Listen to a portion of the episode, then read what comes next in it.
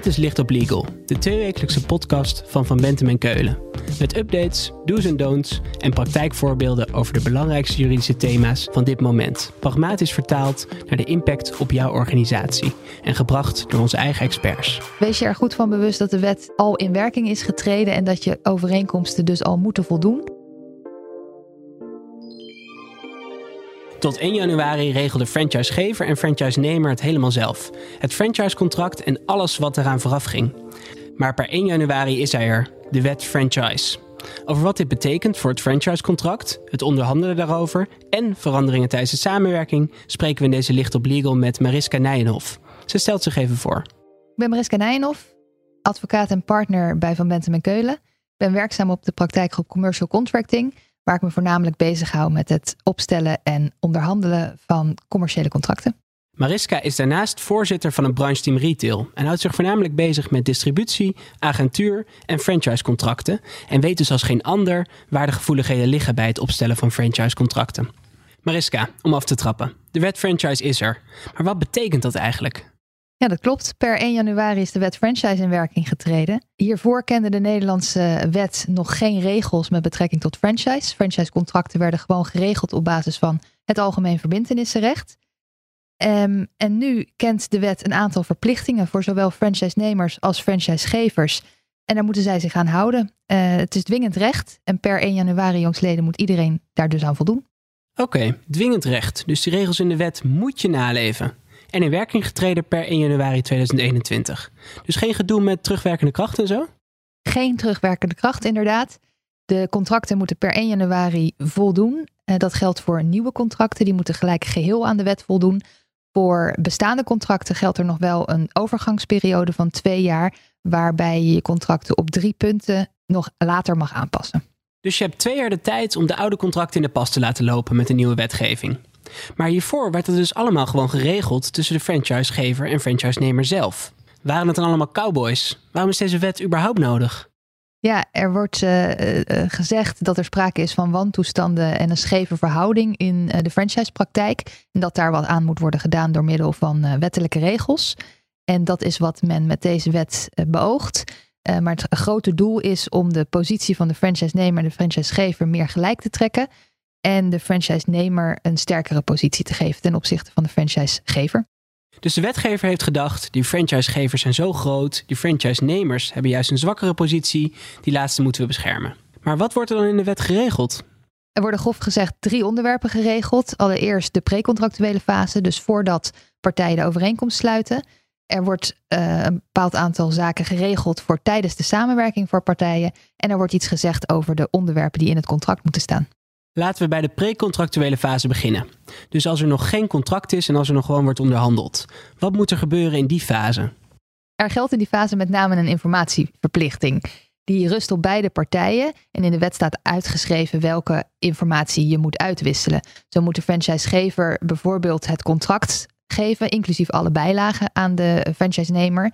En moet de franchisenemer er ook van op de hoogte worden gesteld welke vergoedingen hij straks aan de franchisegever moet betalen. Partijen moeten elkaar allebei ook op de hoogte stellen van elkaars financiële situatie. En daarnaast moet de franchise-nemer op de hoogte komen van de financiële situatie van de beoogde locatie. En let daarbij er wel op dat het nog steeds niet verplicht is voor de franchisegever om een prognose af te geven. En dat is in lijn met de jurisprudentie van de Hoge Raad tot nu toe. En alle informatie die in de wet staat, die moet minimaal vier weken van tevoren aan de franchise-nemer worden gegeven. En dat betreft een zogeheten standstill periode waarin de franchisegever geen wijzigingen meer mag aanbrengen in, het, eh, in de informatie. Dus voordat het contract getekend wordt, moet er verplicht over en weer wat informatie uitgewisseld worden, zoals financiële informatie. Maar de franchisegever hoeft dan weer geen omzetverwachting te delen met de franchisenemer. En de franchisenemer heeft eigenlijk een soort van vier weken bedenktijd of hij het contract wel wil tekenen. Wat moet er dan staan in dat contract? De wet geeft op drie onderwerpen aan uh, wat er geregeld moet worden in het contract. En de rest uh, moet je nog steeds natuurlijk regelen, maar daar zegt de wet verder niks over. Dat betreft de onderwerpen uh, goodwill, non-concurrentie en een uh, instemmingsvereiste voor wijzigingen. Eerste goodwill. Dat gaat neem ik aan over de goodwill die de franchisegever inbrengt. Nee, de, de, de goodwill die de franchise-nemer creëert in de franchise. Dus op het moment dat daar sprake van is, dan kan het zo zijn dat de franchisegever bij het einde van het contract goodwill moet betalen aan de franchise-nemer. En vanaf nu moeten franchise-nemer en franchisegever dus in het contract opnemen of sprake zal zijn van goodwill. En zo ja, op welke manier ze dat gaan berekenen. Maar dat weet je toch pas gaandeweg? Je weet toch niet van tevoren al of er goodwill gaat ontstaan?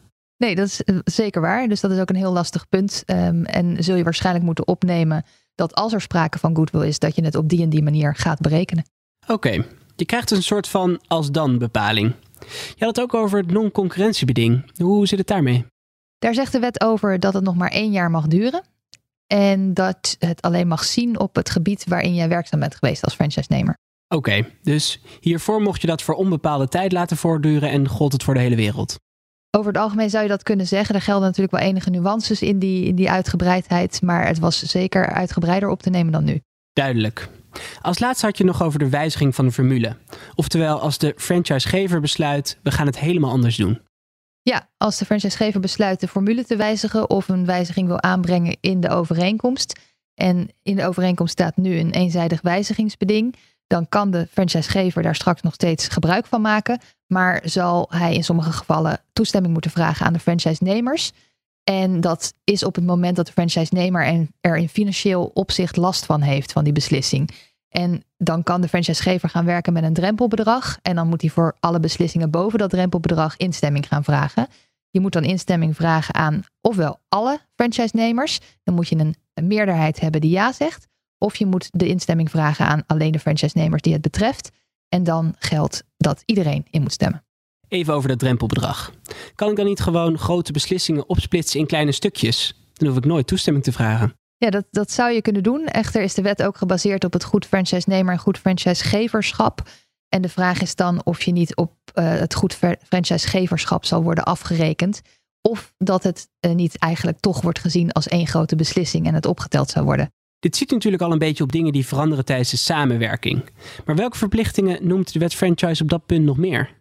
De verplichting geldt om tijdens het contract de franchise-nemers te blijven informeren. De wet zegt nu dat de franchisegever minimaal één keer per jaar inzage moet geven in de vergoedingen die hij vraagt aan de franchise-nemers.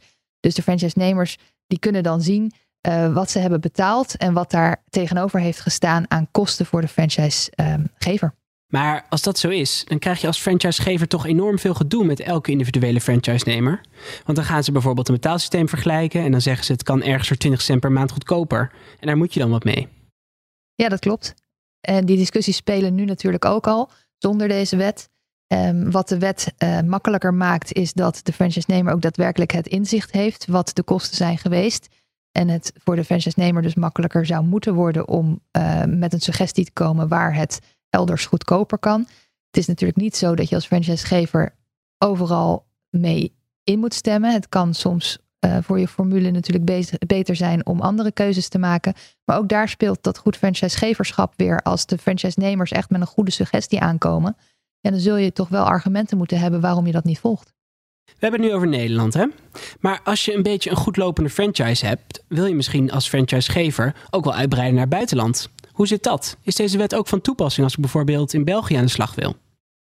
Ja, het betreft een, Nederlands dwingende uh, wetgeving die van toepassing is op in Nederland gevestigde franchise-nemers.